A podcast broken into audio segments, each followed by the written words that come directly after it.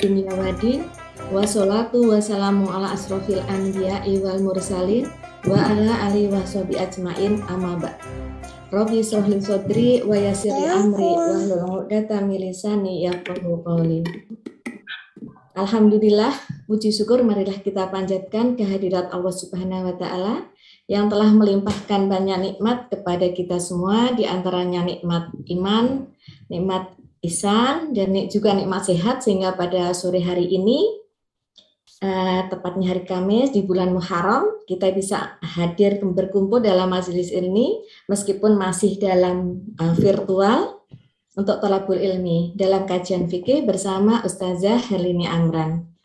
Yang mungkin sudah hampir empat bulan kita tidak adakan uh, kajian dan alhamdulillah di bulan Muharram ini kita mulai lagi kajian fikih. Salawat serta salam semoga tercurahkan kepada junjungan kita Nabi besar Nabi Muhammad Shallallahu Alaihi Wasallam beserta keluarga dan para sahabatnya dan kita semua yang insya Allah juga bisa istiqomah dalam menjalankan ajarannya sehingga nanti di yaumil akhir kita akan mendapat syafaatnya. Amin amin ya rabbal alamin. Alhamdulillah Ustazah Herdin Amran sudah hadir di tengah-tengah kita semua. Sehat Ustazah? Alhamdulillah. Alhamdulillah. Mas sehat ya? Bu Ambar sehat Ustazah. Alhamdulillah. Siap. Kalau ada dua Bu Ambar jadi Bu Ambar kuadrat ya.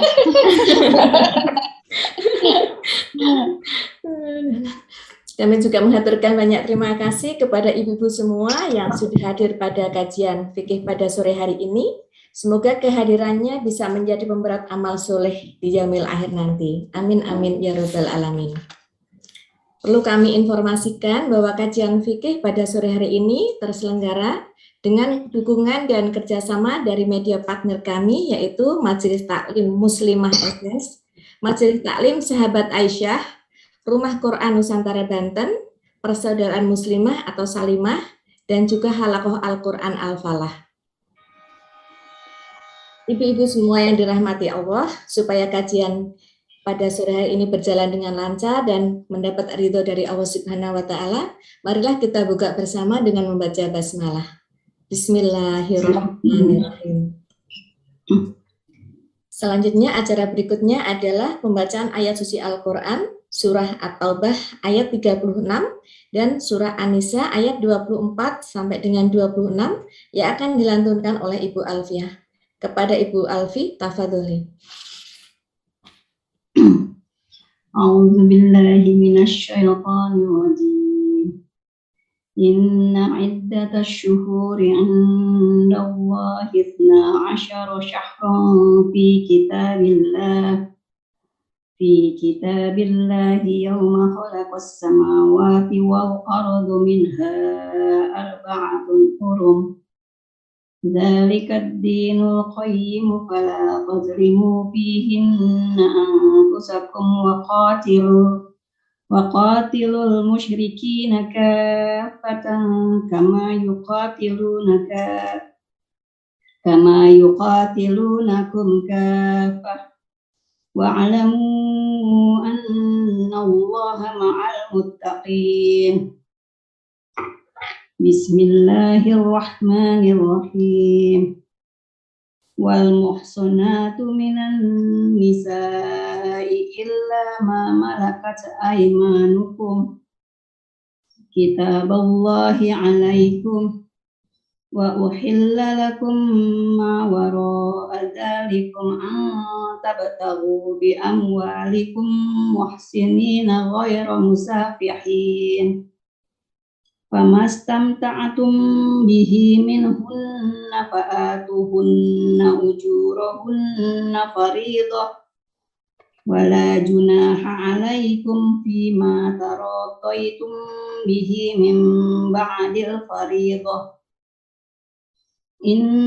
Allah kana aliman hakima wa man lam yastati' minkum tawlan an hal muhsanatil mu'minati famimma malakat aymanukum min qanat min qatayatikumul maut min qatayatikumul mu'minat wallahu a'lamu bi imanikum ba'dukum mimba fankihuhunna bi idzni ahlihinna wa atuhunna ujurahunna bil ma'ruf bil ma'rufi muhsanatin ghaira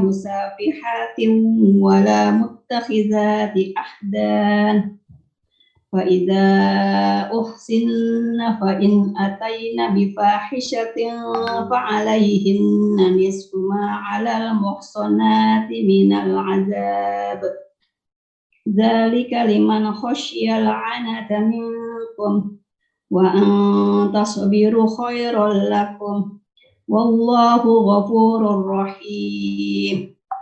Yuridullahu liyubayyina lakum wa yahdiyakum sunanal ladzina min qablikum wa wa yatubu al wa alaikum wallahu alimun hakim. Sadaqallahu azim. Jazakallah khairan Bu Alfi Semoga dengan lantunan ayat suci Al-Quran, kita semua mendapat rahmat dari Allah Subhanahu wa Ta'ala, serta membawa ketentraman dan ketenangan hati. Dan bagi yang membaca, ataupun kita yang semua yang mendengarkan, akan mendapat pahala dari Allah Subhanahu wa Ta'ala. Amin, amin, amin. Itu ya Allah, sampailah kita pada acara inti, yaitu penyampaian materi kajian yang akan disampaikan oleh Ustazah Herlini Amran yang pada sore hari ini akan mengangkat tema ketika wanita menjadi fitnah. Bagaimana uh, biar tidak penasaran silahkan Ustazah, tafadhali Ustazah. Ya, jazakillah khairan kathiro.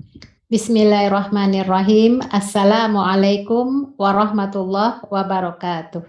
Waalaikumsalam warahmatullahi wabarakatuh. Alhamdulillah, alhamdulillahilladzi allafa baina qulubina fa asbahna bi ni'mati ikhwana. Ya Rabbana lakal hamdu bil iman, ya Rabbana lakal hamdu bil Islam, ya Rabbana lakal hamdu bil Quran, lakal hamdu bil mali wal ahli wal mu'afah, lakal hamdu bi kulli ni'matin an'amta biha alaina.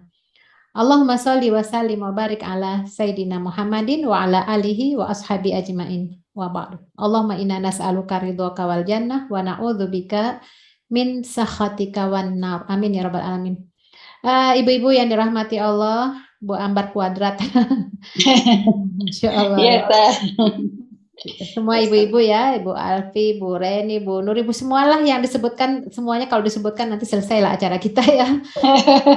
Selamat tahun baru satu Muharram 1444 Hijriah baru saja berlalu ya. Mudah-mudahan hari ini lebih baik dari hari kemarin, hari besok lebih baik daripada hari ini insya Allah. Mudah-mudahan Allah terima amal ibadah kita di masa-masa lalu dan mudah-mudahan kita diberikan keistiqomahan di masa-masa yang akan datang insya Allah. Temanya fitnah ya wanita menjadi fitnah, masya Allah. Bagaimana batasannya? Cuman memang agak ini ya sedikit perbedaan kalau kita bicara fitnah dari definisi bahasa Indonesia dengan definisi uh, bahasa Arab ya. Saya akan tayangkan slide-nya. Bentar ya. Sudahkah terlihat? Sudah terlihatkah? Sudah ya? Sudah, sudah. Alhamdulillah. Ketika wanita menjadi fitnah, kalau kita bahas suatu permasalahan tentu kita pahami dulu ya uh, definisinya. Kalau wanita udah kita nggak usah bahas. Ini fitnah ya.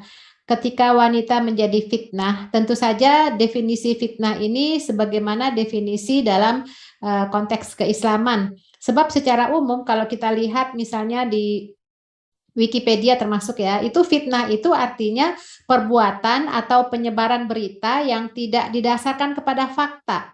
Jadi fitnah itu artinya menyebarluaskan berita bohong gitu ya.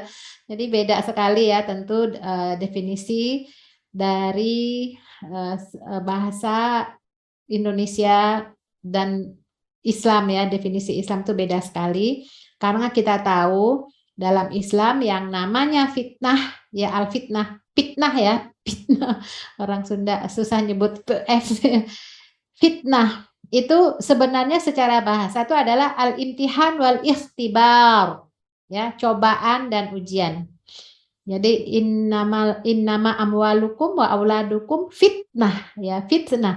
Sesungguhnya harta dan anak-anakmu adalah fitnah. Jadi ujian, cobaan ya.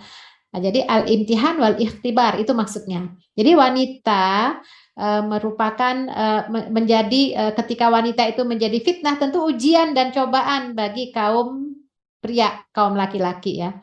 Jadi secara bahasa secara bahasa jelas ya bahwa yang namanya fitnah ini adalah ujian dan cobaan ya.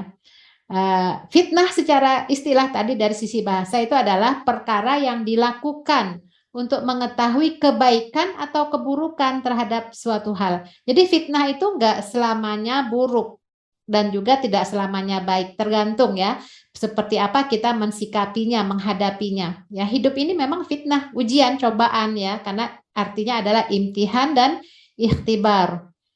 Baik.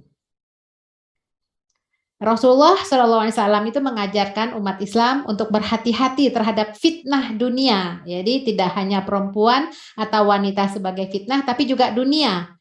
Nah, di antara fitnah dunia itu adalah wanita. Jadi kita ini fitnah loh ibu-ibu. Masya Allah. Fitnah bagi pasangan hidup kita ya. Mungkin bagi kita nggak berasa apa-apa, tapi bagi mereka itu sesuatu yang apa-apa ya. Makanya hati-hati kalau kita keluar di, di jalan, kita merasa biasa-biasa saja. Tapi bisa jadi biasa-biasa sajanya kita, tanda kutip, ketika kita tidak mengikuti aturan agama, itu menjadi fitnah bagi para laki-laki yang menyebabkan kita juga turut berdosa. Ya, Makanya nanti kita lihat seperti apa sih batasannya dan bagaimana pensikapannya ya.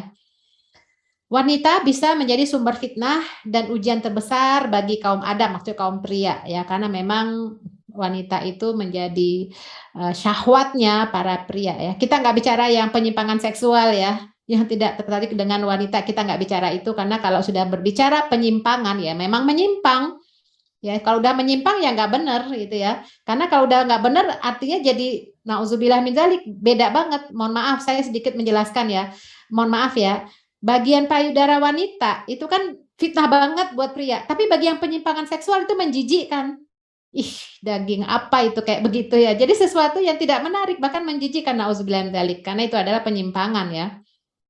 Nah, eh, ayat yang terkait dengan eh, bagaimana wanita ini adalah bagian dari eh, fitnah pria. Jadi zuinalin nasi hubus syahwat minan nisa wal banin. Oh ya, sebelum saya jelaskan ini tentang fitnah, memang uh, para ulama tuh banyak sekali ya membahas tentang fitnah wanita banyak sekali. Bahkan dalam tema-tema hadis dalam kitab-kitab sunan, sunan-sunan hadis, apakah sunan hadisnya Ibnu Majah, Tirmizi, Al-Baihaqi, kemudian uh, dalam musonafnya Abdul Razak Sonani, atau bahkan Imam Muslim, Soheh Muslim sendiri ya, yang hadis-hadis Soheh, itu bab yang membahas tentang wanita itu fitnahnya itu tersendiri. Misalnya kalau dalam Ibnu Majah dibuat bab fitnah fitnatun nisa itu ya, itu ada ada beberapa hadis ya, kalau nggak salah ada enam hadis. Atau misalnya uh, dalam hadis uh, Imam Tirmizi di sunannya itu juga bab majaa fi tahzir uh, fitnatin nisa ya, bab hati-hati terhadap fitnahnya wanita. Jadi mereka bikin khusus pembahasannya tentang uh, fitnahnya wanita ini yang sangat berbahaya bagi pria. Ya jadi uh, pembahasannya khusus karena ini adalah bagian ujian bagi para eh, laki-laki uh, ya yang bisa uh, menyebabkan mereka terhind, uh, terjauhkannya dari ridho Allah ya. Karena betapa banyak laki-laki yang soleh ketika tidak menyadari fitnah wanita akhirnya menjadi uh, berbuat salah ya. Nah, di sini ayat 14 surat Ali Imran Zuina nasi hubus syahwat ya. Dihiasi. Zuina itu kan artinya dihiasi ya tazin ya. Kalau kerjanya syaitan itu tazin menghias-hiasi ya. Nah zuina itu uh, dihiasi wanita uh, manusia itu hubus syahwat cinta terhadap syahwat ya. Jadi kalau yang namanya syahwat itu kan keinginan uh, apa uh, syahwat itu hawa nafsu keinginan uh, yang cenderung di ada enam di sini wanita, anak-anak, ya, harta dan seterusnya. Nah, di sini disebut wanita ini yang pertama. Jadi dari serangkaian uh, syahwat yang menjadi perhiasan ya, zuina ini kan bentuknya bentuk pasif ya. Duina di sini bentuk pasif. Jadi siapa yang menghiasi wanita, siapa yang membuat indah wanita itu. Nah, itu eh, ada pandangan ulama yang zuina kalimat uh, pasif ini atau disebut mabni majhul ya. Pasif ini siapa yang menghiasi wanita itu? Apakah Allah atau syaiton ya kan ini kan nggak disebutkan siapanya karena pasif. Nah ada dua pandangan. Oh itu bisa jadi zuina itu artinya uh, yang membuat dihiasi itu itu bisa jadi Allah. Kenapa Allah? Karena Allah lah yang menjadikan indah karena Allah lah yang uh, menyebabkan manusia itu mencintai, uh, memiliki syahwat ya, mencintai uh, wanita dan seterusnya. Itu karena fitrah. Maka yang namanya syahwat itu adalah fitrah yang Allah berikan. Jadi dihiasi oleh Allah ya zina. Nah, ada yang menyebutkan zina ini itu seton itu ya kan kalimat pasif di kan dijadikan ya. Kalau kalau dia uh, aktif pasti menjadikan ya. Jadi dijadikan. Nah berarti ini adalah seton nah kalau seton tujuannya zuina atau tazin itu adalah untuk menyesatkan manusia. Maka uh, kalau menurut uh, apa namanya uh, dalam tafsir uh, dalam tafsir Wahbah Zuhaili itu ya itu menjelaskan bahwa tujuan ayat ini maksudnya bukan berarti larangan manusia untuk memiliki syahwat mencintai syahwat kepada yang disebutkan ini wanita anak-anak bukan. Maksudnya itu boleh uh, mencintai syahwat terhadap wanita dan anak-anak tapi jangan berlebihan ya jadi uh, Zuina ini dihiasi. Jadi selalu ada dihiasi setiap manusia itu nah kenapa wanita lebih dahulu? Karena wanita jadi menem, menempati urutan pertama. Kenapa? Karena memang wanita itu uh, memiliki kenikmatan yang tertinggi dan paling sempurna. Nah jadi di sini ya maksudnya kenikmatan di sini kan kalau dengan lawan jenis atau yang namanya syahwat itu kan penempatan kenikmatan itu apa ya? Itu dirasakan ya Ya, makanya kalau dalam Islam itu dalam uh, fikih Islam kalau orang yang berbuat zina itu kan hukumannya itu kan berat. Ada efek jerak ya. Jadi uh, zina itu kan ke kejahatan kenikmatan ya. Makanya hukumnya berat kalau dia belum menikah di ini dalam konteks hukum Islam ya. Uh, dalam uh, yang dalam Islam secara agama kalau yang belum menikah itu kan dicambuk 100 kali ya. Tentu saya tidak bicara prosedur atau bagaimana uh, pelaksanaan tapi kita bicara hukumnya ya. Uh, itu kan dicambuk sampai 100 kali ya supaya ada efek jerak. Karena selama ini dia, memang dia belum pernah melakukannya belum pernah merasakannya. Jadi cukup hanya 100 kali cambuk. Tapi bagi yang sudah menikah muhson musonat yang sudah me memiliki pasangan eh dia berzinah juga. Tentu ada prosesnya ya tidak mudah juga untuk menjatuhkan hukuman. Itu di rajam sampai meninggal. Ya karena memang efek da, efek dari kejahatan seksual ini itu kalau tidak diberikan sanksi hukum yang berat itu akan menimbulkan ketagihan, akan menimbulkan kecanduan. Makanya berat yang kaitannya dengan syahwat terhadap wanita. Karena memang wanita ini merupakan eh, fitnah kenikmatan yang tertinggi. Keting mohon maaf kenikmatan seksual itu kan yang memang dicari-cari kan. Makanya Islam mengatur di situ. Nah, jadi di sini zuina linasi hubus syawat minan nisa. Dijadikan indah pada pandangan manusia kecintaan kepada apa yang diinginkan. Tadi saya sebutkan yang pandangan ulama perbedaan itu zuina itu bisa siapa yang menghiasi ya sebenarnya kalau Allah yang menghiasi itu itu lebih kuat ya. Karena uh, ini adalah fitrah yang diberikan kepada manusia.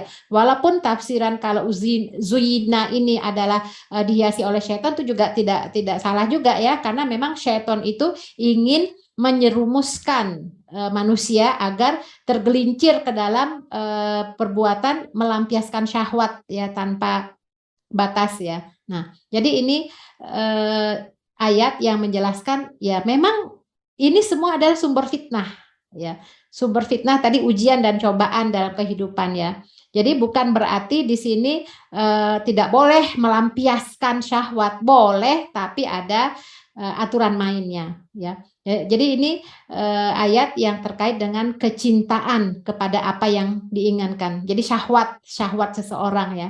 Nah, maka wanita menjadi ranking pertama. Nah, inilah fitnah wanita ya ketika wanita menjadi fitnah.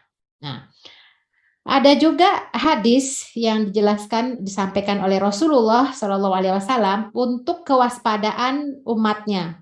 Terutama yang laki-laki. Kalau kita bicara laki-laki sebenarnya include perempuan karena memang yang bersyahwat itu tidak hanya laki-laki, perempuan juga bersyahwat ya. Tapi perbedaannya apa? Kalau perempuan itu punya rasa malu. Kalau laki-laki itu kalau udah syahwatnya udah diubun-ubun, itu apa aja bisa dia lakukan. Walaupun perempuan juga ada yang seperti itu ya. Nah, hadis ini Ma taroktu ba'di fitnatan adarra ala rijali minan nisa. Tidak pernah aku tinggalkan suatu fitnah yang lebih berbahaya bagi para laki-laki yang lebih dari fitnah wanita. Uh, jadi luar biasa ya kalau yang namanya syahwat itu kan perlu pelampiasan ya.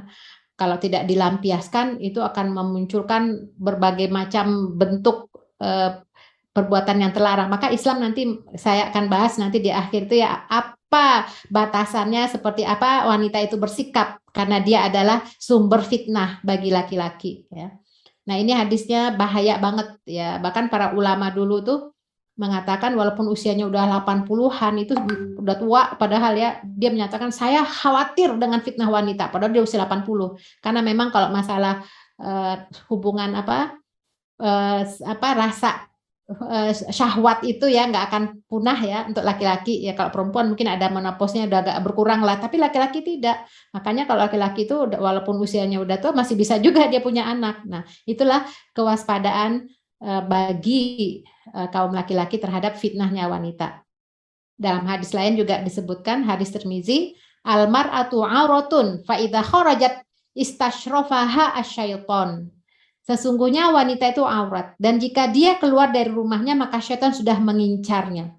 Uh, kita tahu ya ibu-ibu ya bagaimana syaitan itu mengincar kita di amam, warok, janbi ya kanan kiri. Kita dikerubutin ya, depan, belakang, kanan, kiri. Artinya adalah bahwa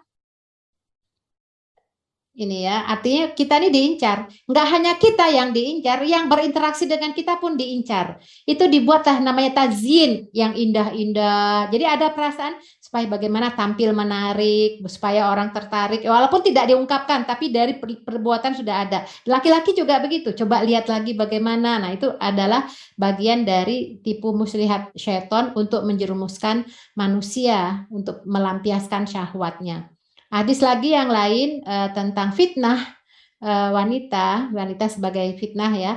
Fattaqud dunia wattaqun nisa fa inna awwala fitnati bani Israel kanat fin nisa. Ya, jadi fattaku ini bisa artinya takutlah, bertakwalah kalian ya. Takutlah kalian, hati-hatilah kalian terhadap dunia. Ya, dan hati-hatilah kalian, khawatirlah kalian kepada nisa, wanita. Karena awal fitnah dari Bani Israel itu adalah terjadi pada wanita. Jadi fitnah pertama yang terjadi pada eh, Bani Israel itu adalah eh, fitnah wanita. Jadi ini memang wanita ini sumber fitnah ya. Hadis soheh Imam Muslim.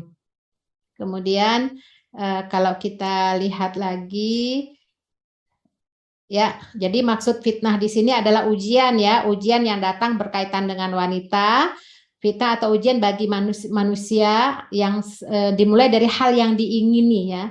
Fitnah ini terjadi bukan semata disebabkan karena si wanitanya, tapi juga disebabkan karena laki-laki memiliki nafsu syahwat kepada wanita. Makanya kita lihat ya banyak terjadi kasus-kasus ya eh, perkosaan terhadap anak kecil bahkan dan nenek-nenek juga masih diperkosa. Ya itu kan penyimpangan-penyimpangan semua ya yang dengan mayat lah dengan apalah semuanya juga karena ingin melampiaskan syahwat tersebut ya. Kan mungkin di, di, di kita di benak kita ya karena kita memang uh, tidak dalam kondisi terbawa syahwat ya ketika kita menyaksikan atau mendengarkan informasi atau berita, misalnya seorang laki-laki memperkosa nenek, nenek-nenek, kita itu orang nauzubillah. Itu karena memang mereka dia yang sedang melakukan perbuatan jahat itu gak berpikir logis karena memang sedang terbelenggu dengan syahwatnya yang digoda oleh seton. Banyak kasus misalnya ayah dengan anak perempuannya dan seterusnya. Jadi yang namanya fitnah di sini jadi bukan hanya karena perempuannya, tapi bisa eh, juga karena memang laki-lakinya, syahwatnya ya. Jadi syahwatnya itulah yang menyebabkan dia melampiaskannya dengan berbagai cara ya. Nah, ini eh, ini adalah fitrah ya. Setiap manusia itu punya syahwat, punya nafsu syahwat ya. Dan wanita ini menjadi fitnah bila dapat membangkitkan nafsu dan syahwat kaum laki-laki. Ya, inilah udah Allah takdirkan karena memang zuina linasi hubu syahwat ya memang uh, sumber syahwatnya laki-laki itu ya wanita ya. Nah, fitnah wanita ini merupakan bagian dari fitnah dunia ya ini sudah menjadi ujian karena memang Allah ciptakan uh, dunia ini liyabluwakum ayyukum ahsanu amala. Allah ciptakan kehidupan ini adalah untuk uh, menyeleksi ya mana di antara kalian yang terbaik amalnya, mana di antara kalian yang mampu menjaga dirinya. Nah, fitnah ini dapat menghancurkan akhlak, mengotori harga diri, dan menjadikan keluarga berantakan, masyarakat rusak. Banyak akibatnya karena fitnah wanita ini. Dan jangan merasa aman ya, karena kita hidup ini adalah uh, hidup ini kan ujian cobaan. Walaupun dia adalah seorang alim, ulama, hafal Quran, wah banyaklah tingkat. Mungkin saat itu uh, keimanannya tinggi, itu tidak aman karena selama kita masih hidup, selama itu selalu ada ujian-ujian, cobaan-cobaan dan selalu ada godaan seton. Ya, saya ingin contohkan Uh, seperti yang diceritakan oleh Wahab bin Munabih ya, saya rasa ibu-ibu udah paham ceritanya ya tentang seorang ahli ibadah ya sebelum uh, masa Rasulullah Shallallahu Alaihi Wasallam yang tingkat ibadahnya, ketakwaannya, masya Allah, hari-harinya hidupnya itu hanya untuk beribadah, tidak ada unsur uh, duniawi, semua tidak, semua dia beribadah kepada Allah. Nah, ketika ada tiga orang saudara, saya rasa sudah pada tahu ya kisahnya, saya hanya ingin menyampaikan kembali untuk kewaspadaan kita semua. Nah, ketika tiga orang saudaranya ini laki-laki ingin pergi uh, safar, dia ingin menitipkan adik perempuannya. Dan mereka sepakat karena mereka paham oh ini ahli ibadah nggak bakalan dah. Pasti jauh dari maksiat. Oh kita percaya sepenuhnya kita percaya. Akhirnya mereka minta untuk dititipkan. Awalnya ahli ibadah ini nggak mau. Ya awalnya dia tidak mau. Tapi karena ketiga orang kakaknya ini merasa yakin kemudian kami yakin pokok awalnya tuh dia nolak Nah, kalau begitu udah kalian uh, buatkan aja dia rumah di bawah ya karena ahli ibadah ini kan rumahnya itu apa agak tinggi ya di atas sudah bikin aja jangan deket jangan deket-deket jangan jauh pokoknya taruh aja situ ya karena memang sudah di diminta secara uh, tanda kutip ya seperti maksa gitu ya karena mereka yakin karena ahli ibadah ini namanya orang beribadah 24 jam waktunya hanya kepada Allah ya. Nah, seton lah yang membuat tazin. Jadi kalau kalau ada materi uh, hizbus syaiton ya, itu ada syaitan itu kerjanya tuh mentazin ya, menghias-hiasi. Itu kan dimasukkan lah dalam hatinya karena kita dikerubungin ya dari depan, belakang, kanan, kiri. Ya cobalah kan artinya dia pertama dia ngasih makan dari atas saja dikirim pakai tali ke bawah gitu ya. Dia nggak mau bersentuhan, nggak mau boro-boro mau nyentuh, ngelihat aja nggak ngasih makan udah pakai tali di bawah nanti dibuka pintunya terus diambil ya pokoknya itu terjadi beberapa lama. Jadi proses dibiarkan. Jadi syaitan tuh nggak langsung ketemu, ayo zina, nggak, nggak begitu, nggak akan mungkin terjadi perzinahan. Syaitan itu luar biasa, dia visioner itu syaitan itu, dia punya strategi bagaimana menyesatkan manusia dengan kesabarannya. Nah, awalnya dibisiki begitu, udahlah kasih makan aja, nggak usah ini. Lama-lama lama-lama kok cuman begini aja, cobalah eh, nggak sopan kayaknya ngasih makanan lewat uh, apa nama tali yang di yang di, di ini dari atas ke bawah. Udahlah bawa aja ke depan pintu rumahnya ke pintu kamarnya. Ini kayaknya nggak sopan. Itu proses. Akhirnya ditaruh depan pintu udah balik lagi. Lama-lama lama ini kan proses ya karena kemaksiatan itu nggak terjadi mendadak begitu saja. Ada butuh waktu ya untuk untuk uh, seton itu memberi uh, waktu jeda kan nggak cobalah ngobrol dikit nggak apa-apa lah ini kan lama-lama lama-lama lama akhir terjadi perzinahan. Dan itu butuh proses. Nah itu godaan seton kita ini makanya Rasul Allah dalam Al-Qur'an itu mewanti-wanti kita. Allah menyebutkan eh, la tattabi'u khutuwati syaiton innahu lakum aduun ya eh, jangan kalian ikuti langkah-langkah seton, jangan kalian ikuti bisik-bisik godaan-godaan seton, was-was seton. Mereka itu dia itu adalah musuhmu. Fahdaruhum.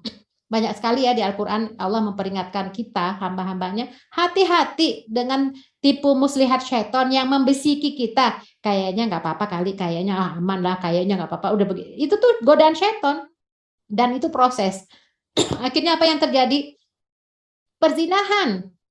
Suka sama suka karena yang digoda tidak hanya perempuan laki-laki ahli ibadahnya, perempuannya juga asik kali nungguin apa bahkan bisa jadi agresif ya kadang-kadang perempuan itu kan lebih agresif daripada pihak laki-lakinya. Nah, apa yang terjadi kita udah tahu semua ya. Sampai terjadi perzinahan, kemudian hamil, kemudian melahirkan, pas datang dibisiki lagi tuh ahli ibadah itu oleh setan. Nanti kalau kakaknya datang gimana tuh tahu adiknya? Wow, nanti nama ahli ibadah gimana? Wah, pokoknya itu ya akhirnya kan di, di ini ya dibunuh, kemudian dikuburkan. Nah, itu kan udah stop, udah ada udah nggak ada lagi cerita. Ternyata setan juga memberikan informasi kepada tiga orang kakaknya lewat mimpi. Setan tuh begitu tuh luar biasa strateginya ya. Tidak hanya terhadap orang yang ditarget, tapi juga nanti akibatnya juga akan di akan disebar supaya muncullah uh, tipu daya tipu daya itu menunjukkan keberhasilannya. Nah itu mohon maaf. Jadi ini dapat menghancurkan akhlak, mengotori harga diri, menjadikan keluarga berantakan. Kita bisa melihat dan membayangkan ya Allah kasus-kasus karena perempuan pihak ketiga ya. Ada juga sih laki-laki ya. Itu karena tidak menjaga diri baik dari pihak laki-laki atau pihak perempuan. Itu sampai menghancurkan rumah tangga yang telah dibina sejak awal dengan susah payah dari nol penuh dengan kasih sayang, keharmonisan. Hanya gara-gara tidak bisa menjaga diri baik itu yang pihak laki-lakinya suaminya atau pihak perempuannya. Akhirnya berantakan ya anak-anak kehilangan kasih sayang orang tua rumah tangga jadi neraka. Ya itu karena memang fitnah terbesar itu ya perempuan. Yang nggak hanya laki-lakinya saja yang tergoda, perempuannya juga menggoda, begitu ya. Maka penyebab, menyebabkan keluarga jadi berantakan dan masyarakat rusak ya. Ya, ini tadi saya sudah ceritakan ya eh, kisah tragis tergoda fitnah ini ya dari Wahab bin Munabih di kalangan Bani Israel itu seorang ahli ibadah punya tiga orang tiga orang bersaudara yang punya adik gadis yang perawan tiga bersaudara tersebut tidak mempunyai saudara wanita kecuali ya satu-satunya suatu ketika ketiga ketiga orang itu bermaksud melakukan perjalanan jihad di jalan Allah e, mereka sulit mencari orang yang dititipkan ya. e, kemudian ya inilah ahli ibadah ini yang akhirnya dia tuh memper apa namanya berzina kemudian membunuh kemudian berdusta ya nauzubillah dalik jadi ini memang godaan-godaan fitnah ini luar biasa ya. Nah, sekarang kita masuk kepada uh, pembahasan wanita sebagai ujian dan godaan. Tentu bagi kaum pria ya. Nah, pria laki-laki itu diciptakan dengan tabiat. Jadi memang sudah fitrahnya, sudah sudah sunatullah itu menyukai wanita ya. Jadi kalau ditanya saya pernah mem, apa mendapatkan informasi ya ada penelitian mahasiswa ya, itu untuk S1 sih ya saya saya waktu di daerah Sumatera itu itu membuat uh, penelitian apanya dari tubuh wanita yang disukai yang uh, oleh pria. Artinya bagian mana gitu ya anggota tubuh wanita yang diminati yang membuat pria itu tergoda ya terangsang tertarik gitu ya. Ya Allah ternyata nggak ada kesimpulannya. Kesimpulannya apa? Seluruh tubuhnya. Karena ada yang suka kuku juga ada loh. Yang suka tumit juga ada. Yang suka apa uh, tangan itu ya, ada yang suka tengkuk gitu ya. Jadi tidak semua dari wajah, tidak semua dari bahkan bokong juga ada ya. Jadi kalau dilihat itu semua semuanya itu menjadi daya tarik ya. Ada yang pipinya, ada yang matanya, ada yang kupingnya, ada yang bibirnya, masya Allah. Setiap orang tuh jadi setiap laki-laki itu memiliki ketertarikan sendiri tersendiri terhadap wanita yang dia sukai atau wanita dia lihat wanita ya. Apa yang disukai itu beda-beda. Ada yang jadi ada yang nggak melihat wajah. Makanya coba deh ibu-ibu pernah de, pernah uh, dengar kan pria yang senang dengan wanita tua. Masya Allah, usianya baru berapa tahun ya menikah dengan uh, ibu, apa wanita yang nah itu jadi dia dua, sudah tua aja masih tertarik coba ya. Nah, inilah ini adalah uh, fitrah ya bagaimana Allah menciptakan laki-laki itu memang senang dengan perempuan ya. Jadi wanita ini menjadi fitnah berbahaya bagi pria karena umumnya tabiat pria yang sangat mencintai wanita yang eh, ya, artinya ingin melampiaskan syahwat apalagi kalau ibu-ibu eh, tentu tahu ya bagaimana eh, bentuk eh, anatomi pria ya.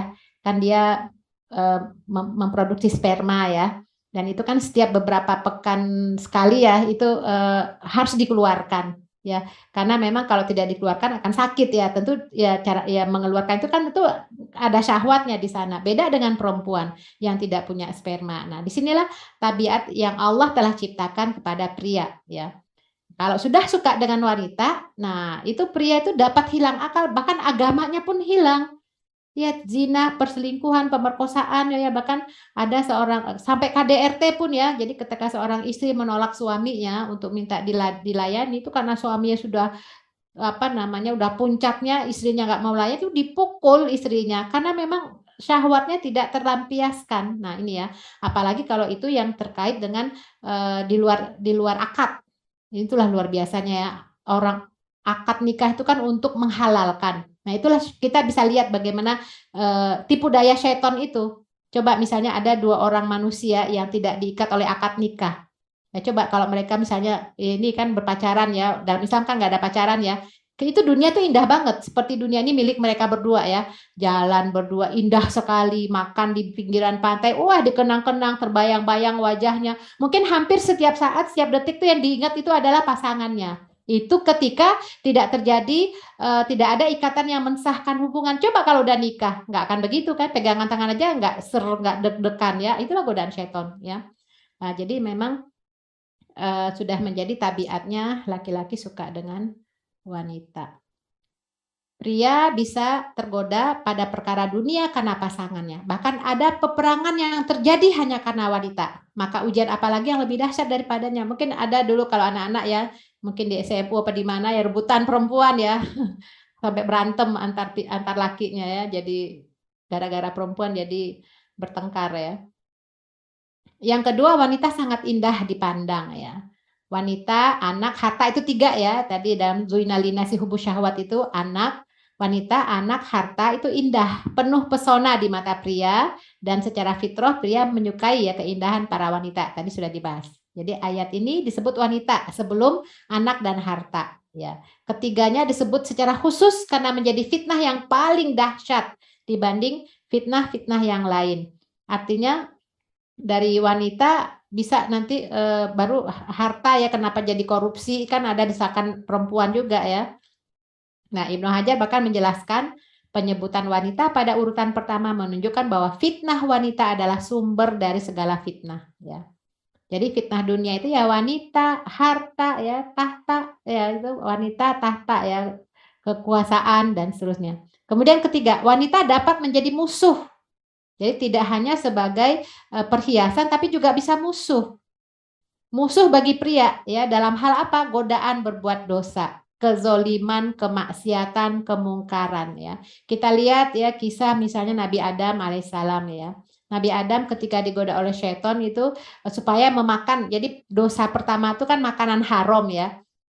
Ya kan ketika eh, Allah mempersilahkan Nabi Adam dan istrinya untuk makan eh, wa kula min huma dan haitsu syi'tuma. Makan semua yang ada di surga ini. Illa hadhihi kecuali pohon ini. Nah, itu kan makanan. Dan Nabi Adam sebenarnya nggak mau. Nah, tapi ternyata ya tadi ya Ibunda Hawa ya Enggak, karena memang tipu daya setan juga. Kenapa dilarang kamu makan ini? Karena kamu ini adalah eh, buah atau makanan keabadian supaya kamu abadi di surga. Nah, ternyata kan itu hanya tipu daya setan aja. Nah, Ibunda Hawa, kenapa tidak kita mah akhirnya tergodalah ya akhirnya itulah sebabnya wanita itu berpotensi ya menjadi uh, musuh pria dalam arti men menjerumuskan laki-laki itu ke dalam uh, perbuatan-perbuatan kezoliman, kemaksiatan, kemungkaran dan sebagainya ya.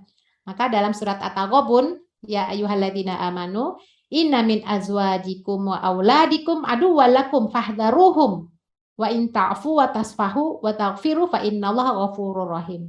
Ini khitabnya kepada orang yang beriman bahwa di antara istri-istrimu, anak-anakmu itu itu ada yang menjadi musuh bagimu. Nah, maka eh, berhati-hatilah ya wa in ta'fu jika kamu memaafkan ya memperbaiki uh, wa takfiru ya, maka Allah uh, Maha Pengampun Maha Penyayang. Jadi di sini Allah menjelaskan bahwa di antara istri-istri dan anak-anak itu mampu menyebabkanmu tergelincir ya kecuali tadi ya kecuali wanita yang solihah. Nanti yang terakhir nanti saya akan uh, uraikan juga wanita soleh. Jadi tidak hanya menjadi fitnah loh wanita bisa jadi wanita itu akan menjadi partner uh, pria yang sama-sama bisa masuk surga ya mendorong ke surga. Imam Mujahid itu memberikan contoh seorang wanita yang membuat suaminya memutuskan tali silaturahim pada keluarganya. Karena kecintaan pada sang istri, suami tersebut pun tidak bisa melakukan, apa pun kecuali mentaatinya. Ya, karena banyak kasus ya, seorang suami itu menjadi durhaka kepada ibunya, kepada orang tuanya kan karena mengikuti atau uh, mentaati istrinya atau mencintai istrinya saking berlebih, akhirnya dia uh, bermusuhan dengan orang tuanya sampai terputuslah silaturahim ya karena memang mengikuti atau bisa jadi ya bukan istri wanita secara umum ya mungkin orang yang menggoda atau tergoda lah ya teman kantor itu loh yang will will itu wanita idaman lain atau yang selingkuhan selingkuhan itu ya yang menyebabkan seorang laki-laki menelantarkan anak istrinya ya yang tidak bertanggung jawab lebih uh, memperhatikan pasangan barunya. Yang bisa jadi itu bukan uh, di bawah akad nikah tapi bisa jadi itu perzinahan karena digoda terus didekati terus. Ya bisa jadi. Ya itulah. Wanita bisa jadi musuh. Yang menjerumuskan laki-laki ini ke dalam neraka. Ya dia jadi zolim tidak bertanggung jawab, menyia-nyiakan anak istrinya, ya, melalaikan tanggung jawab tugasnya, lebih memperhatikan perempuan yang menggoda atau yang dia goda. Nah, itu semuanya uh, wanita itu dapat menjadi musuh. Padahal wanita itu diciptakan lemah sebenarnya, ya nggak kuat wanita itu lemah. Tapi lemahnya wanita tuh dapat menggoyahkan agama laki-laki, ya. Karena dengan kelembutannya, kita lihat aja Firaun, ya itu bisa tahluk di hadapan Asia istrinya ya. Ketika dia punya aturan ya kan Firaun itu kan lalim ya. Istilahnya ana rabbukumul a'la. Aku tuh Tuhanmu yang tinggi. Wah itu ditakuti banget. Tapi di depan Asia yang lembut ketika dia punya aturan untuk tahun ini seluruh bayi laki-laki itu harus dibunuh. Tapi di depan istrinya istrinya mengatakan kita kita jadikan kuratul ain liwalak kita jadikan kuratul ain kita ya. Kita kan nggak punya anak. Itu tunduk itu Nah itu ya. Jadi walaupun lemah itu sebenarnya kuat ya. Jika itu terjadi maka sang wanita pun menjadi fitnah besar bagi pria. Ketika itulah Rasulullah selalu menasehati para pria agar membimbing istri dan anak wanita dengan sangat baik. Karena jika dibimbing dengan baik, wanita yang lemah dapat menjadi perhiasan indah yang jauh dari fitnah. Bahkan seorang wanita yang walaupun lemah tapi memiliki akidah yang kuat itu mampu membawa suaminya itu ke surga. Dari tidak paham agama menjadi taat ibadah itu bisa. Sebagaimana kalau kita lihat sejarah Ummu Sulaim. Ummu Sulaim yang menikah dengan Abu Tolhah yang Islamnya itu adalah maharnya. Nah, kita bisa lihat dengan kekokohan akidahnya, kekuatan imannya, suaminya yang menikah dengan dia maharnya itu adalah Islam, itu menjadi salah seorang sahabat yang mencintai Nabi. Ya, kita lihat bagaimana Abu Tolha itu ya berinfak itu kebun yang Buraiha itu yang yang luas banget ya, masya Allah tuh. Itu karena memang kekokohan dan keimanan yang sangat kuat uh, Ummu Sulaim. Jadi mampu. Jadi wanita itu walaupun lemah tapi dia bisa membawa seorang laki-laki apakah mau ke surga ataupun ke neraka ya. Maka beruntunglah orang-orang yang mendapatkan istri atau wanita yang solihah. Istausu bin nisa fa innal mar'atu khuliqat min dhila' wa inna awaja syai' fi dhal'a a'lahu fa in dhahabta tuqimuhu kasartahu Wa in taraktahu lam yazal a'waj fastausu bin nisa. Ini kita udah paham hadisnya ya. Berwasiatlah dalam kebaikan pada wanita, karena wanita diciptakan dari tulang rusuk, dan yang paling bengkok dari tulang rusuk adalah pangkalnya. Jika kamu coba meluruskan tulang rusuk yang bengkok itu, pasti dia patah. Namun, bila kamu biarkan, maka dia akan tetap bengkok. Nah, untuk itu nasihatilah para wanita. Artinya pandai-pandailah berhadapan dengan wanita. Enggak boleh dikerasin ya, tapi enggak boleh juga ngikutin. Jadi pandai-pandailah untuk membentuknya. Nah, ini kan prinsipnya kan itu untuk suami ya, untuk laki-laki. Ya, karena kalau kita lihat hitopnya ini Rasulullah kepada para sahabat dan kita tahu bagaimana sahabat itu adalah orang-orang yang terpilih, orang-orang yang mendapatkan taujih dari Rasulullah SAW. Nah, yang orang-orang yang Rasulullah katakan eh, takhayyaru linutofikum, pilih tempat kamu meletakkan sperma. Nah, tentu uh, sedikit banyaknya berbeda dengan kondisi sekarang ya. Kalau kita lihat kondisi sekarang ya bisa jadi yang para laki-laki ini justru yang harus dibimbing gitu ya. Ya udahlah apa pun lah yang penting uh, di mana pun posisi kita, mudah-mudahan sebaik-baik perhiasan dunia itu adalah wanita yang solihat. Ketika suaminya kurang tanda kutip takwanya. Mudah-mudahan dengan kesolihan wanita ini mampu membawa dan membimbing suaminya uh, menuju jalan Allah insya Allah. Godaan wanita seperti syaiton ya. Jadi ini ada hadis e, dibawakan oleh Jabir bin Abdillah ya. Ini terjemahannya saja. Sesungguhnya wanita itu datang dalam bentuk syaiton. Ya, jadi bukan dia syaiton, bukan. Jadi artinya syaiton lah yang menghiasinya gitu ya. Jadi orang melihatnya itu adalah perempuan, tapi sebenarnya itu setan yang membuat dia indah-indah, ya. Jadi dan berlalu dalam bentuk setan. Apabila salah seorang kalian melihat seorang wanita dan bangkit syahwatnya, maka hendaknya dia mendatangi istrinya karena hal itu akan mengembalikan apa yang ada pada dirinya. Jadi maksudnya bukan wanita itu setan bukan. Ini salah ini keliru ya. Jadi wanita itu jadi setan itu me, apa ya memagari wanita itu seakan-akan jadi orang melihat itu ya sebenarnya itu terperangkap dengan eh, bujuk rayu seton sehingga tertariklah muncul syahwatnya. Nah kalau muncul syahwat kan nggak mungkin langsung ketemu e, dizinahi ya enggak. Nah ini proses panjang dibuatlah tazin, hias, dihiasilah, kemudian diajak ngobrol, kayaknya enak banget, nyaman banget ya lama-lama, lama-lama, lama-lama, ya akhirnya perzinahan. Karena nggak mungkin orang bertemu dengan perempuan yang tertarik yang menarik eh, hatinya langsung ngajak berzinah kan kayaknya nggak mungkin kecuali pelacur ya berapa tawaran harga. Ini kan nggak mungkin. Ini kan perzinahan ini kan terjadi dengan proses waktu yang panjang ketemu setiap hari. Nah, itu seton itu maksudnya yang membungkusnya. Jadi membungkus syahwat itu dengan hiasan-hiasan, dibuat indah, kayaknya perhatian banget. Beda lah dengan istri yang nggak perhatian misalnya. Yang perempuan juga juga gitu. Wih, enak nih kayaknya bertanggung jawab, bisa apa bisa mendengarkan keluhan. Beda dengan suami di rumah. Nah, ini semuanya kerja seton. Maka di sini Rasulullah mengatakan kalau kalian tertarik dengan perempuan di luar, pulang ke rumah itu ada istri. Ingat istri di rumah tuh. Jangan lampiaskan semua yang timbul akhirnya perzinahan itu di rumah ada istri kalau udah disalurkan kepada yang halal itu gak akan ber, berkurang tuh rasa itu rasa keinginan untuk berbuat uh, zina tersebut. Ya karena sudah ada uh, di rumah tuh sudah ada per, peralihannya ya.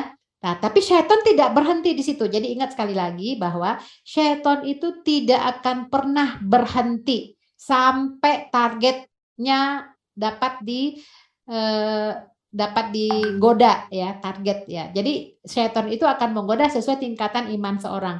Semakin tinggi tingkat iman seseorang, maka semakin eh, tinggi juga pangkat jabatan setan tersebut. Jadi menurut ininya ya, karena kalau kalau imannya tinggi, setan yang yang remeh-temeh nggak akan mampu. Jadi sesuai dengan kondisi uh, orang tersebut ya, setan itu akan menggoda ya sesuai dengan tingkat keimanan seseorang. Maka berhati-hatilah, fahdaruhum kata Allah.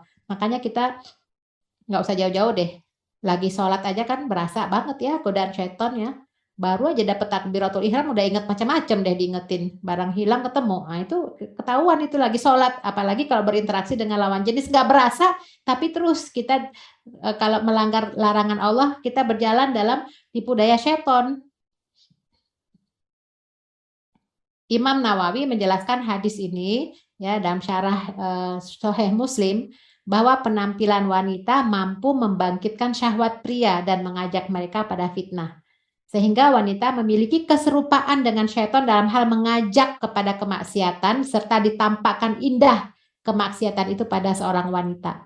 Jadi nggak hanya pria aja ya yang uh, apa namanya yang menggoda, perempuan juga menggoda. Semuanya itu sama, laki-laki perempuan ya. Jadi itulah Islam itu mengatur semuanya ya. Ada beberapa aturan dalam Islam ya, eh, apa yang harus kita eh, ikuti supaya tidak terperangkap dengan tipu daya setan ini.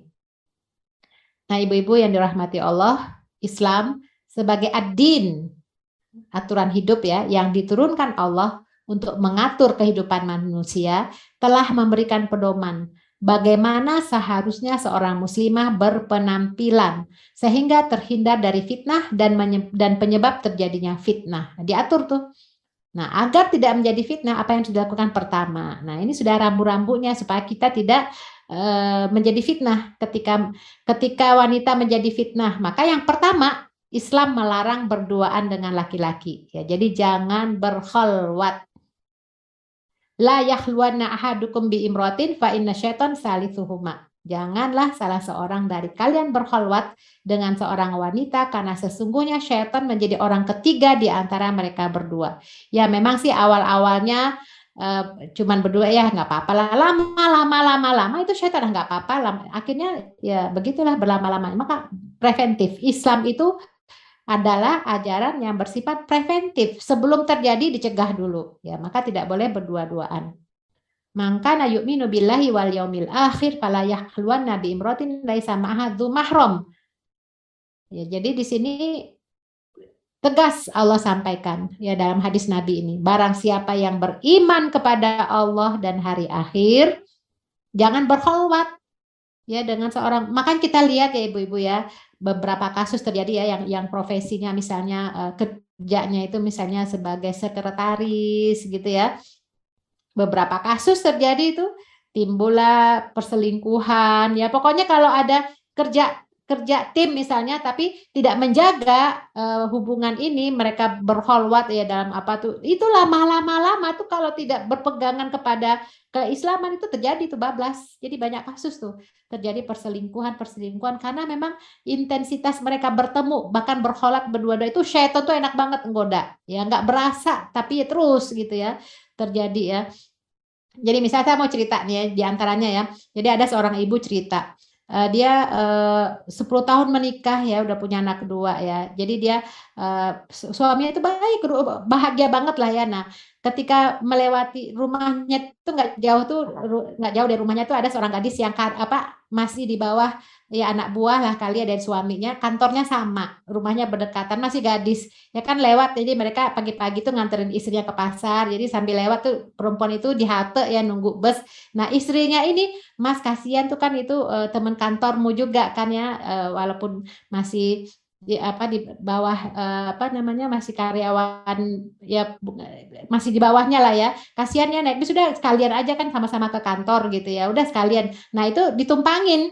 Jadi istrinya itu menolong tet, uh, ya tetangganya itu anak gadis itu untuk uh, sama-sama ke kantor ya karena memang anak buah suaminya ya kan. Itu kan menolong.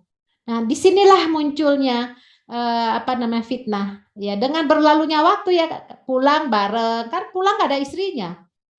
Ya awalnya kan ya ya namanya kenal lama-lama lama ya ya lama-lama gitu akhirnya menikah. Itulah setan membuat tazin indah-indah. Kayaknya enak ya ini kayaknya wah itulah setan duanya duanya digoda ya. Ya tentu dengan tadi ya eh, terbiasa berholwat jadi walaupun dalam kendaraan ya itu memang fitnahnya lebih eh, apa lebih dampaknya lebih besar ya kalau kita berholwat dengan orang yang kita kenal ya beda dengan orang yang tidak kita kenal ya yang kita jadi artinya kalau misalnya terpaksa ya kan masalah boleh nggak naik naik gojek ya atau naik ojek ya itu kan para ulama berbeda pandang itu kan berholwat ya artinya uh, ikhtilat juga bercampur ya. Kalau orang nggak dikenal kan nggak ada masalah ya bang abang gitu ya kalau memang terpaksa. Tapi kalau suami tetangga gimana? Udah gitu rutin. Nah itu timbul fitnah di situ maka di sini pencegahan ya jangan berdua-duaan ya nanti yang ketiganya adalah seton karena dibuat indah i enak ya ngomongnya i perhatian ya i baik ya ya itu dia Eh, permasalahan-permasalahan yang ada itu karena melanggar ajaran Allah ya. Jadi maka jangan sampai berkholwat ya berdua-duaan ya. Khawatir dengan proses perjalanan waktu itu akan memunculkan penyimpangan-penyimpangan syariat ya. Ini ya. Kemudian yang eh, berikutnya adalah jaga pandangan ya, menjaga pandangan. Jadi ini yang begini nih diatur dalam Al-Qur'an. Ini enggak enggak sampai enggak tanggung-tanggung Masya Allah ya. Allah itu mengatur baik pandangan untuk laki-laki dan untuk perempuan dalam surat An-Nur ayat 30. Ya, ayat 30-nya Qulil mu'minin yaghuddu min absarihim. Katakan kepada laki-laki yang beriman, hendaklah mereka menahan. Jadi yaghuddu Ghodul basor itu bukan uh, bukan menundukkan pandangan, bukan tapi menjaga maksudnya, menahan pandangan maksudnya menjaga. Jadi jangan melihat pasal lawan jenis. Ini kalau kalau untuk laki-laki jangan lihat perempuan tuh sampai mengagumi ke, ke dipandang terus menerus akhirnya muncullah simpati akhirnya muncul rasa di situ. Itu yang dihindari ya. Kalau untuk perempuan ini surat An-Nur ayat 31 jadi tidak hanya laki-laki tapi juga perempuan. Jadi hukum dalam Islam ini tidak hanya menyentuh pihak laki-laki saja perempuan juga. Karena perempuan apalagi perempuan punya rasa. Kalau udah senang sama orang tuh, sama cowok misalnya, ditatap aja wajahnya tuh. Akhirnya pas melihat itu berdesir lah uh, dadanya ya deg-degan. Nah itu ya. Nah ini uh, jaga pandangan. Nah kecuali dalam hal-hal tertentu seperti dalam belajar mengajar, dalam uh, bermuamalah, ya berjual beli, kesaksian, berobat, ya artinya untuk hal-hal yang uh, penting darurat itu diperbolehkan. Ini dalam pergaulan sehari-hari, ya dengan teman-teman di kantor, dengan uh, suami tetangga gitu ya, dengan nah ini memang perlu menjaga pandangan ini bahaya nih karena dalam pandangan itu ada dua kejahatan di situ kejahatan eh, syahwat dan kejahatan uh, hipnotis. Ya, orang bisa sampai kena gendam itu kan dari mata sebenarnya ditepuk langsung deh ber, apa nama jalan itu apa namanya godaan tersebut itu setan semuanya.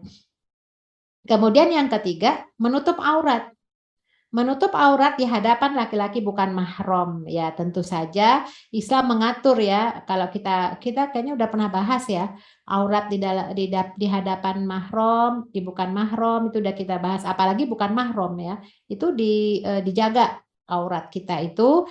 Ya kalau secara umum eh, mayoritas ulama ya jumhur ulama ya memang yang bukan aurat itu adalah eh, muka dan bukan telapak tangan ya, telapak dan punggung tangan ya, karena di sini ini susah juga kita terjemahannya ya. Jadi wajah dan ini, ini secara umum ya.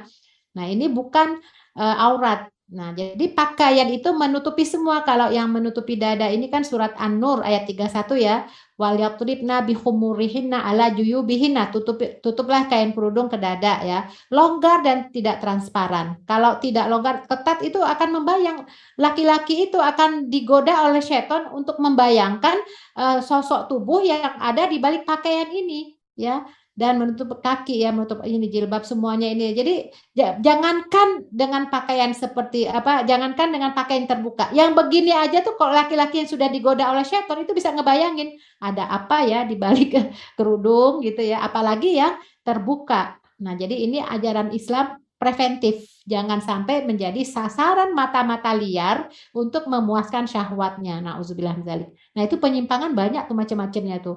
Kalau karena memang kita hidup dalam zaman yang penuh dengan fitnah ya penyimpangan seksual yang memperlihatkan kemaluannya di depan umum itu nauzubillah zalik nah kita ini sebagai seorang perempuan wanita muslimah ya tentu kita jaga ini. Jangan sampai menjadi sumber fitnah bagi uh, lawan jenis Nah, ini yang yang mengkhawatirkan kita ini adalah ini nih. Ini uh, Rasul sudah sudah memberikan kita uh, gambaran ya. Rasul tuh belum lihat ini. Kan di sini sinfani min ahlin nar lam arohuma. Ada dua golongan dari penduduk neraka yang belum pernah aku lihat. Jadi di masa Nabi itu belum dilihat oleh Rasulullah, tapi ini akan terjadi nanti di akhir zaman. Nah, dua ini sudah ada, sudah banyak dari dulu ya. Nah, di antaranya itu nisaun kasiyatun ariyatun mumilatun ma'ilatun ru'usahunna ka'asnamatil bukhti al ma'ilah la yadkhuluna jannah wa la yajidna rihaha. Jadi wanita berpakaian tapi telanjang. Jadi walaupun dia menutup aurat, tapi aurat yang ditutup itu ngejeplak ya nge, apa namanya ngepres gitu ya memperlihatkan lekuk-lekuk tubuh itu sama dengan wanita yang berpakaian tapi telanjang jalannya lenggak-lenggok kepalanya seperti jadi kan sambil lenggak-lenggok eh, Pokoknya berhias ya, tidak menutup auratnya. Nah, wanita itu tidak akan masuk surga dan tidak akan mencium baunya. Sedangkan bau bau surga itu ya wanginya itu tercium selama perjalanan yang sangat jauh itu tercium baunya. Nah, ini adalah ramalan Rasulullah yang sudah terjadi saat ini ya. Itu yang menyebabkan wanita itu menjadi sumber fitnah karena tidak menutup aurat. Yang keempat, melarang bercampur baur antara pria dan wanita itu ikhtilat ya. Apa itu ikhtilat ikhtilat adalah pencampuran atau perkumpulan wanita dengan eh, laki-laki uh, ya. Hukum ikhtilat itu menurut Syekh Abdul Karim Zaidan hukum asalnya itu haram kecuali padanya terdapat keperluan atau hajat yang memerlukan. Jadi sebenarnya di prinsip dalam Islam itu memang kalau bisa dihindar campur baur ya. Kalau misalnya dalam kelas itu campur aja sebelahnya laki-laki perempuan, nah itu yang dihindari ya. Kalau barisan itu apakah laki-laki di depan, perempuan di belakang atau perempuan di depan atau laki artinya tidak bercampur aduk begitu ya. Kecuali kalau di pasar kita tidak apa namanya sulit menghindari ya. Intinya jangan bergerombolan berdesak-desakan ya. Kalau itu tidak uh, unsur darurat. Kalau itu adalah darurat yaitu itu dimaafkan ya seperti tawaf ya. Kalau sekarang kayaknya diatur deh tawaf itu kan darurat ya, memang harus mengelilingi Ka'bah ya dalam kondisi nah itu e, darurat. Tapi kalau yang tidak darurat dan kita bisa jaga, kenapa tidak kita jaga gitu? Dalam kondisi-kondisi tertentu ya syarat yang membenarkan e, ikhtilat itu ya jelas menutup aurat ya, menjaga mata. E, kemudian isi perbincangan yang baik kalau kita berbicara dengan Eh, teman kita yang lawan jenis, jangan uh, pembicaraan itu pembicaraan yang terkait dengan syahwat. Jadi kadang-kadang dalam pergaulan kita itu bercandaan-bercandaannya itu adalah bercanda-bercanda yang menyerempet kepada uh, syahwat. Nah, itu dihindari ya. Kalaupun terjadi uh, istilah di tempat yang baik ya, kemudian jarak yang sesuai ya. Jadi tidak bercampur baur. Kemudian tidak tabaruj tidak tabarut di sini tentu saja berdandan berhias karena tabarut itu tidak hanya berdandan ya tabarut itu juga termasuk berjalan dengan lawan jenis ya di luar uh, bukan mahrom itu juga bagian dari tabaruj. Wakorna fi wala tabarujna tabarujal jahiliyatil ula ya tidak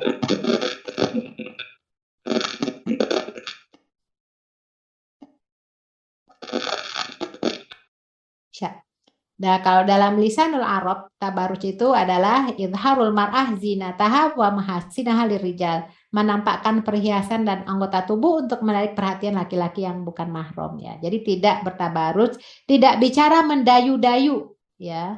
Ya nisaan Nabi lastuna kahadim minan nisa. Karena kalau yang bicara yang mendayu-dayu, yang sengaja dibuat uh, itu laki-laki tuh kadang-kadang tertarik dengan suara yang merdu, yang sengaja dibuat-buat, itu timbul syahwatnya. Makanya Rasulullah eh, dilarang ya oleh Allah istri-istrinya untuk eh, berkata yang tidak yang sangat ini ya, berlembut-lembut itu. Makanya ya nisa ya nisaan nabi lastu naka hadim minan nisa. Ini takwa itu. Nah, kamu tuh nggak sama dengan wanita-wanita yang lain. Nah, istri-istri Nabi ini adalah ummahatul mukminin, ibunya orang-orang yang beriman. Nah, kalau ibunya orang-orang beriman berarti anak-anaknya harus ngikutin ibunya. Nah, walaupun khusus ayat ini ditujukan kepada istri-istri Nabi, namun pada hakikatnya ini juga berlaku bagi kaum mukminah, kaum muslimah lainnya untuk tidak tunduk dalam berbicara, untuk tidak mendayu-dayu atau dibuat-buat sehingga jangan sampai ada orang yang dalam hatinya itu gampang tergoda yaitu menjadi uh, tergoda terfitnah olehnya maka wakulna kaulan ma'rufah. Jadi di sini katakanlah perkataan yang ma'rufah. Ma'rufah ini artinya perkataan yang dikenal baik, artinya orang tahu bahwa ini tidak sengaja dibuat-buat ya. Berbicara itu benar sebenarnya tidak dibuat-buat, tidak membuat orang tertarik. Ya, jadi itu ma'rufah yang dikenal. Ya. Larangan ini semua itu adalah untuk menjaga wanita agar tak menjadi fitnah dan menjaga pria agar tak terjerumus fitnah. Ya, ini sebenarnya larangan ini baik buat kita semua ya.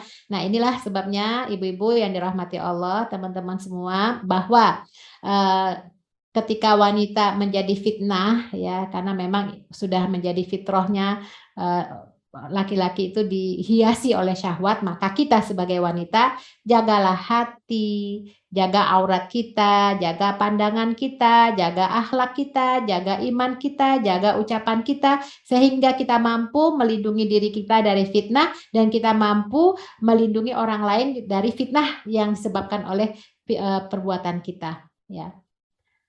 Wa ila tasrif anni kaidahunna asbu ilaihina wa akum minal jahilin. Ini doanya Nabi Yusuf ya. Nabi Yusuf aja digoda itu lihat bayangkan bagaimana uh, syahwatnya Zulaikha itu ya ingin uh, melakukan perbuatan yang tercela ya kepada Nabi Yusuf tapi Nabi Yusuf luar biasa Masya Allah keimanannya maka beliau berdoa ini jika aku tidak engkau hindarkan dari tipu daya mereka ini saya aku akan cenderung untuk memenuhi keinginan mereka dan tentu aku termasuk orang yang bodoh. Jadi Allah selamatkan Nabi Yusuf dari godaan-godaan wanita-wanita yang ingin menfitnah beliau ya, ingin melakukan perbuatan yang tercela. Ya, itulah ketika uh, wanita menjadi fitnah dan bagaimana batasan-batasannya.